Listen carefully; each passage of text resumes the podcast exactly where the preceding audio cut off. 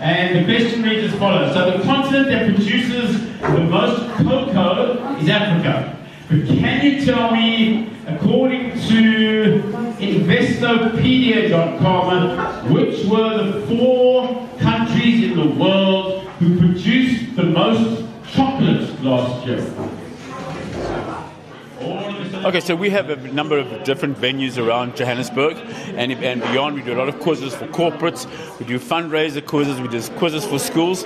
So essentially, what happens is people come here, they normally bring a team of between four and eight players per team. And then we have about a two hour quiz, which includes general knowledge and trivia rounds, questions that are based on picture quizzes.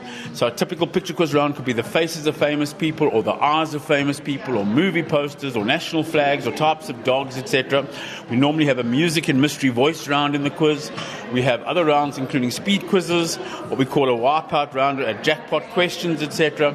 So there's a, a, real mix of different types of rounds, which is what distinguishes our quizzes from other companies, I think, because uh, our whole emphasis is on fun, but also on variety. So people play um, in the quiz after each round, teams mark each other's papers.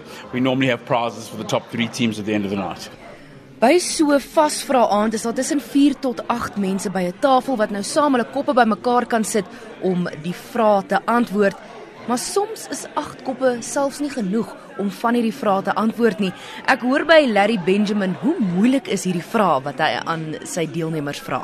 My philosophy is there's some people who come to the quizzes who are hardcore quizzes, uh, quiz people who want general knowledge questions. So about 30% of the quiz is kind of aimed at that market, but overwhelmingly the quiz is fun. So it's name the singer, name the song.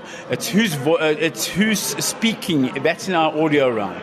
The picture quizzes tend to also be, um, as I said, the eyes of famous people, or one half of one person's face next to the half of face, rather next to the half of another person's face. So I'd say it's about, you, uh, in answer to your question, it's probably 70% fun and 30% hardcore quizzing. So that's why we get people of 22 and 23 year old people, uh, teams sitting next to people of 60 or 65 years old on average, because there's something for everyone on the night. Right, mafia, M-A-F-I-A, was originally used to refer to a secret criminal organization that was founded on which Mediterranean island? Larry sê 70% van sy vrae is gemik op die mense wat daar is om pret te hê. Maar wie is die mense wat aan hierdie vasvra aande deelneem? Everybody. I mean, I must be honest with you, it's been quite a, uh, amazing how people from different backgrounds come to quizzes. I do quizzes for various schools. We have a school, high school quiz competition. I do quizzes for 70th birthday parties, 23rd year old, 24 year old birthday parties. We've got people who are from the uh, prominent people in law professions, in the media, as well as people who might be during the day. Um, uh, working in video shops or working in as secretaries, etc., etc. So the most in- interesting thing about the quiz is the range of people who actually come along and participate and you know come to really nice venues all around Joburg, eat good food, drink um, if they want to drink, but above all meet their friends in a kind of old-fashioned way, talk to each other, chirp the other teams. So that's really kind of the why the quizzes have worked so well. So we don't project things onto a big screen.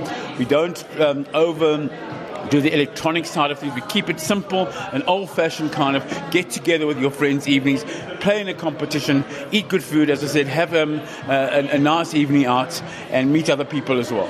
So, excluding anyone who is a member of the Simpson family, can you name the five characters who appeared the most in the first 500 episodes of The Simpsons?